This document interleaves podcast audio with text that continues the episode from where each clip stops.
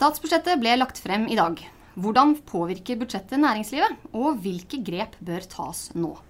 Du hører på Firstcast, First House sin egen podkast.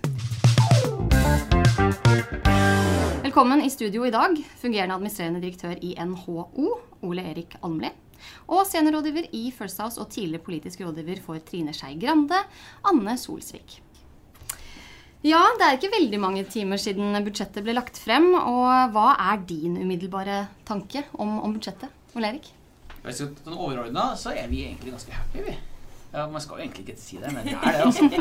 det må jo være lov. Ja, det må være lov. Og det er så få andre som sier det langs dere. Så, det, så vi er egentlig ganske happy. Det er, og Hvis jeg kan si litt om hvorfor jeg er happy, så er det ene at det er ganske kjedelig budsjett. Det er bra.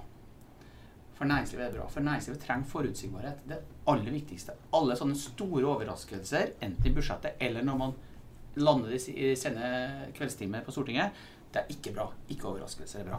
Og så mener jeg jo, og så, skal, så er det ikke kjedelig, altså, for å være helt ærlig, det er et budsjett for jobbskaping. Det er et budsjett for omstilling av Norge på lang sikt. Det er et budsjett hvor vi også ser antydning til digitaliseringstrykket kommer nå. Kjempebra.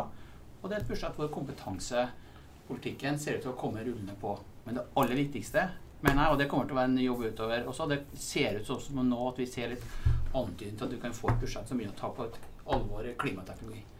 Så kan jeg si litt mer om etterpå, for det, der ser jeg at det måte litt mer trøkk gjennom høsten. Men alt i alt, ja, dette er bra. Ja, men Klima er jo interessant, fordi har Venstre hatt stor påvirkning på, på budsjettet, Anne? Ser du det? Ja, Det er jo det man blir spurt om nå. Hva har Venstre gitt av avtrykk på dette budsjettet? De kommer jo ganske sent inn i det som egentlig er budsjettarbeidet i en regjering. Når de kommer inn i slutten av januar, så begynner egentlig ting å bli litt ferdigstilt. Som veldig mange egentlig ikke er klar over eh, at det går så fort. Eh, men eh, så klart dette med Enova, som både ble flytta til, til Miljø- og klimadepartementet, og det at de fikk til en økning der, har nok eh, helt klart vært en, en viktig seier for dem. Mm. Eh, Ellers så har jo alt dette med plast på agendaen, og både det å organisere og arbeide rundt avfallshåndteringen på det, men ikke minst det å få sikre at dette både er på dagsorden lokalt, nasjonalt og internasjonalt. Det å liksom få gjennomsyra politikken. Eh, det tror jeg nok man kan se på på sånne type områder. Men man skulle nok sett det på enda flere områder. Eh, og litt det også som er inne på her, at eh, dette med klimateknologien eh, Man ser jo noen grep rundt både på forskning mm. og de innovative grepene som er mulig å gjøre. Men her trenger man mye mer av dette gjennomgående fremover. Ja, for jeg, jeg hvis, vi skal ta med klima. For det, mm. det som jeg syns er veldig bra, og det kan man jo se spor til venstre, så er det noe som ikke er bra etterpå. Men jeg kan si en ting som er bra. Det at det ser ut som at det er finansiert opp nok til å holde dette såkalte CCS-prosjektet gående. Jeg skal forklare hva det er ikke alle lytterne som vet hva det er, men det er altså karbonfangst, transport og lagring. Altså at fange CO2 gjør fossil eh, brensel CO2-fri. Der kommer det masse penger nå, og det er veldig bra. Kan godt at det må legges noe på toppen for å få det helt i mål, men at der ser vi nå konturene av et prosjekt som er kjempespennende. Og det er bra for klima. Eh, det er bra for eh, norsk klimateknologi. Utvikle klimateknologi som vi kan eksportere. Og det gir klimautslipp. Og det er ingen framskriving hele tatt. Ingen framskrivinger som, som, gjøres uten at du har det på plass. Og per i dag så har ikke verden det. Så hvis Norge kan lede an å utvikle den teknologien, så er det kjempebra. Det syns jeg var bra. Jeg tror bare jeg skal putte på noen uh, titalls millioner på toppen for å være sikker på at de holder tempoet oppe. Men det er bra. For noe i høringen. ja, da, ja da, men, det, det, men, det, tror jeg er bra. Og så tror jeg jeg skal nevne det Anne, du sa at Enova uh, hadde fått uh, noen ekstra bevilgninger. Ok, det, Vi er jo veldig glad i Enova, men vi har nok akkurat i den sammenhengen vi snakker om i bevilgningene her, så har vi tatt til orde for et såkalt CO2-fond. For at vi ønsker næringslivet, da, vel, og ikke bare NHO, men mange parter i næringslivet ønsker nå at CO2-avgiften fases inn i et fond som næringslivet håndterer selv, og at det er et fond hvor du kan søke om midler til å implementere eksisterende teknologi innenfor transportsektoren. Transport trenger det. Altså transport, næringstransport, der må det tas grep. FNs klimapanel la fram noen tall i dag. Bør skremme vettet av alle sammen. Så det vi har sagt i forhandlinger med regjeringen, eller med samtaler med regjeringen, at vi ønsker at dette fondet kommer på plass så raskt som mulig, så næringslivet får ta det ansvaret næringslivet vil ta. Og Da tror vi det er feil å legge til Enova. Da tror vi at det skulle vært lagt inn i et eget fond som næringslivet kan håndtere selv, som vi har god eh, tradisjon på. Så at du får forpliktende eh, klimakutt basert på den teknologien. Bra mm. for næringslivet, bra for kuttene. Bra også for nasjonen å utvikle ny teknologi, nye systemer for å få ned få ned klimautslippene. Så, så, men, men totalt sett så ser vi nå en del gode tegn. da, Så må vi få landa Dette må vi være på plass i løpet av høsten. Så har vi det. Det er jo det som jeg bare sier akkurat det med CO2-fondet til, eh, til transportsektoren. Eh, For det er jo akkurat transportsektoren som man begrunner økningen hos Enova med. Ja. Eh, Og dette blir nok en interessant sånn eh, kamp i løpet av høsten. For egentlig så er man jo også godt vant med å følge opp når man har den brede alliansen, Mm. sånn som eh, man har akkurat på dette fondet. Eh, Så pleier som regel det å gi gjennomslag over tid. Ja. Her har vi gjort mye grunnarbeid. Eh, Så det tror absolutt blir en sak vi kommer tilbake til gang på gang i løpet av denne høsten. her. Mm. Ja, så kan jeg få til en ting? For Ja. jeg tror Anne helt rett kommer tilbake til det. Og, og, og vi, det vi kjente på, jeg var jo vandrehallen i Stortinget. Det var spennende å være der i dag. Sant? For at det var egentlig to ting. Det, var, det er jo statsbudsjett. Alltid spennende. Men så var det jo regjeringsspøkelset Mm. lå jo der. ikke sant? Så det, du kjente jo, du kjente jo stemningen, og det var intervjuene og alt basert på det. Og klart, CO2-fond det er en sånn type sak hvor det faktisk er flertall i Stortinget for vår løsning. Ikke sant? Så du kan jo se for deg at det blir en sak som kommer til å måle litt denne regjeringen her mot eventuelle andre regjeringsalternativer. Vi håper jo da virkelig ikke at det er den type sak som feller en regjering. Vi håper jo at en samla storting går for den CO2-løsningen, CO2-fondsløsningen som vi har, da. Men, men det var litt spennende i dag, altså. Du merka at det var mange høye skuldre i dag, altså. Mm. Det, det så det godt. òg. Men et eh, næringsvennlig da, statsbudsjett, er det noe grep man som selskaper selskap bør ta? eller jeg tenker på i statsbudsjettet som vi ser nå. Ja. Vi, det vi ser i statsbudsjettet som er bra, da, det må jeg jo si det at eh, det fortsatt, eh, man fortsetter løpet med skattelettelser. Mm. Altså Det er jo moderate skattelettelser, men det er bra. Man reduserer selskapsskatten med 1 prosentpoeng. Man reduserer noe på eh, formuesskatten, altså på den arbeidende kapitaldelen. Veldig viktig. Så reverserer man avgiftsøkninger på sukkeravgift bl.a. Men der går man ikke helt i mål, da, for der holder man igjen deler av eh, br- næringsmiddelbransjen, bl.a. de som driver produksjon av alkoholfrie drikkevarer. De fikk ikke reversert den sukkeravgiften i fjor. Det var veldig dumt. Mm. Det må jeg si var egentlig leit, og det håper jeg vi får til nå i løpet av høsten på det òg. Men generelt så var det skatte- og avgiftspakka, bortsett fra det, da, var ok. Det stimulerer næringslivet til å ta grep selv. Altså De som er for skatte- og avgiftsreduksjoner, de tror på at markedet fungerer selv. Det tror jeg kommer til å se. Det har vi sett. Regjeringen har gjort det før. Vi ser at det nå er sakte, men sikkert går bedre i norsk næringsliv. Så må vi gjøre noe med sukkeravgiften og 350-kronersgrensen og det der. Men totalt sett veldig bra. Og så hvis jeg kan få si en ting til, så var vi inne på du og Anne, det at det tas noen grep på kompetansesida nå, som jeg altså tror det er litt spor etter eh, Venstre og på. Eh, hvor at man, har- og Jan Tore har jo snakka om kompetansereform. Eh, Jan Tore Sanner, og det ser jeg veldig nå begynner vi å se sporene etter det. Det kommer bl.a. modulbaserte utdanningsløp, som betyr at du kan være i jobb. da, Du kan jobbe i First House, og så kan du ta utdanning ved siden av. ikke sant? I stedet for at du må ut av, av jobben din. Et Mm. veldig veldig viktig grep. Det har næringslivet snakka mye om. For næringslivet vet at man må omstille seg underveis. Da bør man gjøre det når man er i jobb, og ikke ut av jobb. Om det da er bare seg at du har digital kompetanse på laveste nivå, eller om du har yrkesfagkompetanse på videregående, eller om doktorgradskompetanse på høyskole- og universitetsnivå. Så det var et veldig godt grep som jeg tror kommer til å være starten på et bra løp, Mm. som næringslivet setter pris på. Vi var jo litt inne på KrF-problematikken, men eh, hvilke endringer mener du er viktig at KrF eh, får igjennom dersom de nå ønsker å gå inn i regjeringen? Eh, Jeg har tro på at KrF kommer til å støtte oss på CCS hvis det er behov for å putte på litt mer der. Og jeg tror på at KrF kommer til å støtte oss på det med CO2-fond. Det har jeg tro på. Så får vi nå se, da. De har jo sine egne prosesser gående nå, ikke sant. Men jeg registrerer at Ropstad er veldig konstruktiv i Stortinget i dag og sier at de, dette var et godt budsjettforslag for en eventuell løsning.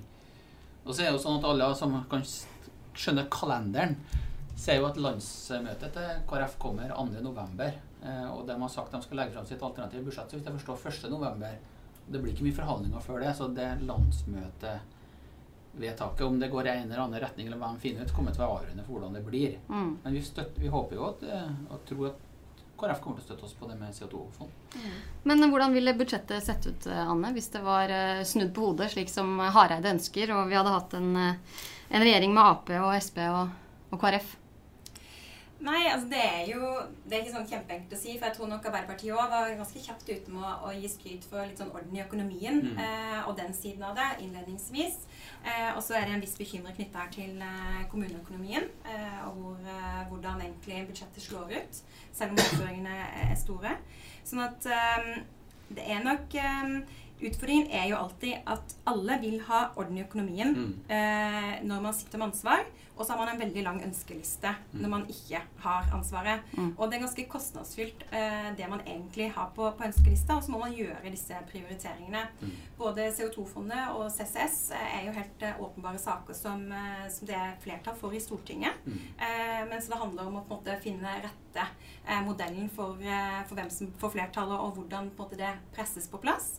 Eh, når det kommer til ja, Det er jo flere andre løp som overgår, men så er det jo ønskelista lang på f.eks. sånn som KrF trekker frem barnetrygden, eh, som ikke har vært justert på mange tiår.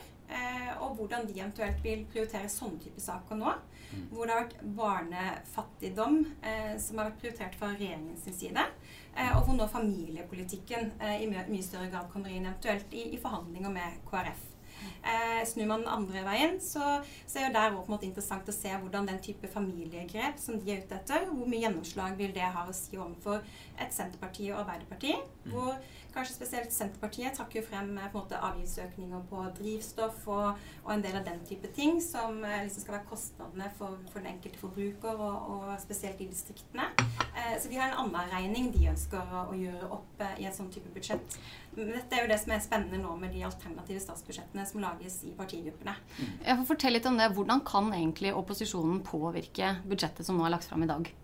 Altså Først og fremst med en mindretallsregjering så er det jo et veldig mye større rom for at saker får måtte, etablert seg på dagsordenen, eh, og partiene tvinges mye mer inn til å måtte ta stilling til de, og på den måten å føre de inn i, i forhandlingene.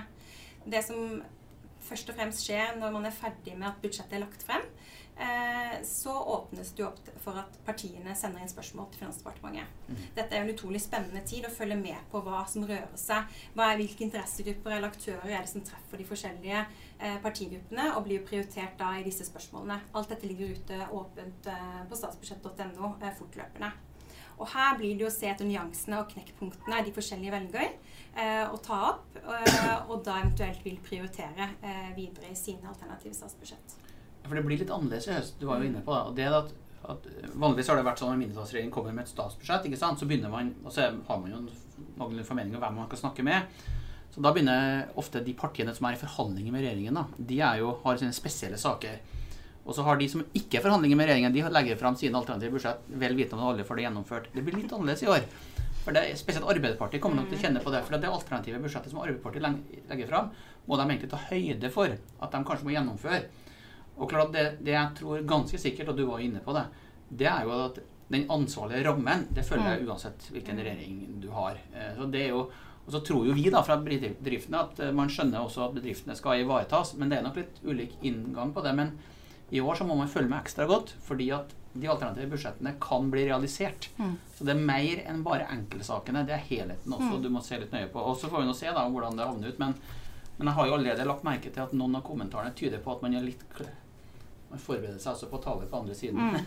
Ja, for hva Litt kan- tidlig etter min Ja, sant? ja, men uh, hvis, vi, hvis vi er på det, da, hva kan næringslivet forvente seg hvis det blir et regjeringsskifte? Nei, vi, altså næringslivet eh, Vi samarbeider med hvilken regjering vi har. Vi er veldig fornøyd med de budsjettene som har kommet de siste eh, årene. Eh, Og det er ganske konsistent. Når noen sier det er kjedelig, så jubler vi. Så vi sier at det er ganske konsistent. Eh, også i år. Eh, så vi forventer jo uansett vi at de skjønner uansett hvem som sitter i regjering, skjønner behovet for å skape arbeidsplasser. Altså Det aller viktigste som skal skje de neste ti årene nå, det er å skape arbeidsplasser. Legg til rette for å skape nye lønnsomme arbeidsplasser. Ta vare på de arbeidsplassene, utvikle det du har. Så får vi folk i jobb. Det er den beste for en sosial profil, det er beste for verdiskaping, og det er det som må til for å skape inntekter så vi kan finansiere skoler og helse osv. Det tror jeg alle alle må se på, og jeg håper også at uh, uansett hvilken regjering vi har, så at det ikke skal være en diskusjon om det. Men så får vi nå se, da. Vi ser jo at alle gode formål ofte ikke går i hop, da. Og så er det bare litt sånn tanken på etter, um, eller vurderingen der etter 2. november, så har du jo da en situasjon hvor du enten har dagens eh, regjering som skal forhandle med, med KrF, Ja. eller du får et grunnlag som skal legges til rette, altså hvor i utgangspunktet i hvert fall Arbeiderpartiet, Senterpartiet og KrF skal eh, ha et, eh, et grunnlag å gå videre på. Og da skal det forhandles i større grad da enda lenger til venstre. Hvor eh, det er SV, eventuelt eh, Rødt, eh, MDG At det er jo først og fremst SV man trenger. Mm. Sånn at eh, det er jo to på en måte konstellasjoner Mm. som kan enten dras da enten til sentrum eller lenger til venstre eh, i norsk politikk. Som egentlig blir veldig interessant å se både vurderingene til KrF med tanke på hvor de vektlegger da eh, deres utgangspunkt for å forhandle videre det mandatet det ekstraordinære landsmøtet gir ledelsen der, og partigruppa på Stortinget. Men det andre er jo velger man da å, å snu seg mot, eh, mot venstre, så skal vi gjennom et par etapper eh, med Mm. forhandlinger her hvor eh, politikken flyttes ganske mye lenger til venstre i, eh, i norsk politikk. Og hva slags budsjett vi da får, mest sannsynlig kanskje før, før jul, eh, det blir jo veldig interessant. skal vi Mm. se. Ja, og, og det er selvfølgelig lenge til det for Situasjonen er litt sånn spesiell av mange eh, årsaker, da, men du er nødt til å ha et budsjett for 1. januar. Ikke sant? Og For to år siden så landa han budsjettet sånn jeg tror det var første sånn 6.-7. desember, og det var akkurat sånn nesten holdt. Tror du kan til nød dra til 10. desember hvis du skal sitte og forhandler fram til julaften, men det er liksom siste frist. Så fra landsmøtet til KrF er, har gjort sitt vedtak, til at du har landet et budsjett, der er det ganske trangt. Mm. Og vår erfaring da, uansett, er at hvis du har det for travelt, så kommer det vedtak som ikke er godt nok gjennomtenkt. Det fikk vi i fjor med denne såkalte sukkeravgiften. Så næringslivet er alltid opptatt av forutsigbarhet, og du kan ikke komme med masse rare forslag på slutten for å, for å få et budsjett til å gå i opp. Så situasjonen i år krever nok ekstra oppmerksomhet fra sånne som oss. Ja, og ikke minst på tanke på at eh, altså, litt av, eh, Nå har vi hatt fem år hvor, eh, hvor dagens regjeringsparti og KrF har, forhandla budsjett. Det gjør til at de kjenner veldig godt grenseoppgangene til hverandre. Eh, de vet eh, akkurat litt hvor, folk, eh, hvor den andre kommer, eh, hva som står høyest på en ønskeliste. Forholdet mellom hva som på en måte er mer verdiskapende tiltak kontra utgiftssiden til, til velferdsordninger. Og når vi ser på reaksjonene, kanskje da spesielt eh, til, til venstre i det politiske landskapet og SV, som trekker frem eh, langt flere på en måte, økninger på stønader og den type ting, eh, og, og hvordan det skal spares inn, kan komme med disse mer overraskelsene over natta, som vi for så vidt har sett med dagens konstellasjon nå, Mm. ja. men som sikkert kan bli kreativ på en annen måte utover høsten hvis det er den veien det går. Ja. Mm. Det blir en fryktelig spennende høst, det er det ingen tvil om. Det var dessverre det vi rakk i dag. 15 minutter, det, det går fryktelig fort når man har det gøy. Takk for at dere var i studio. Tusen takk for at dere hørte på oss der hjemme. Mitt navn er Iven Oppsal. Vi høres.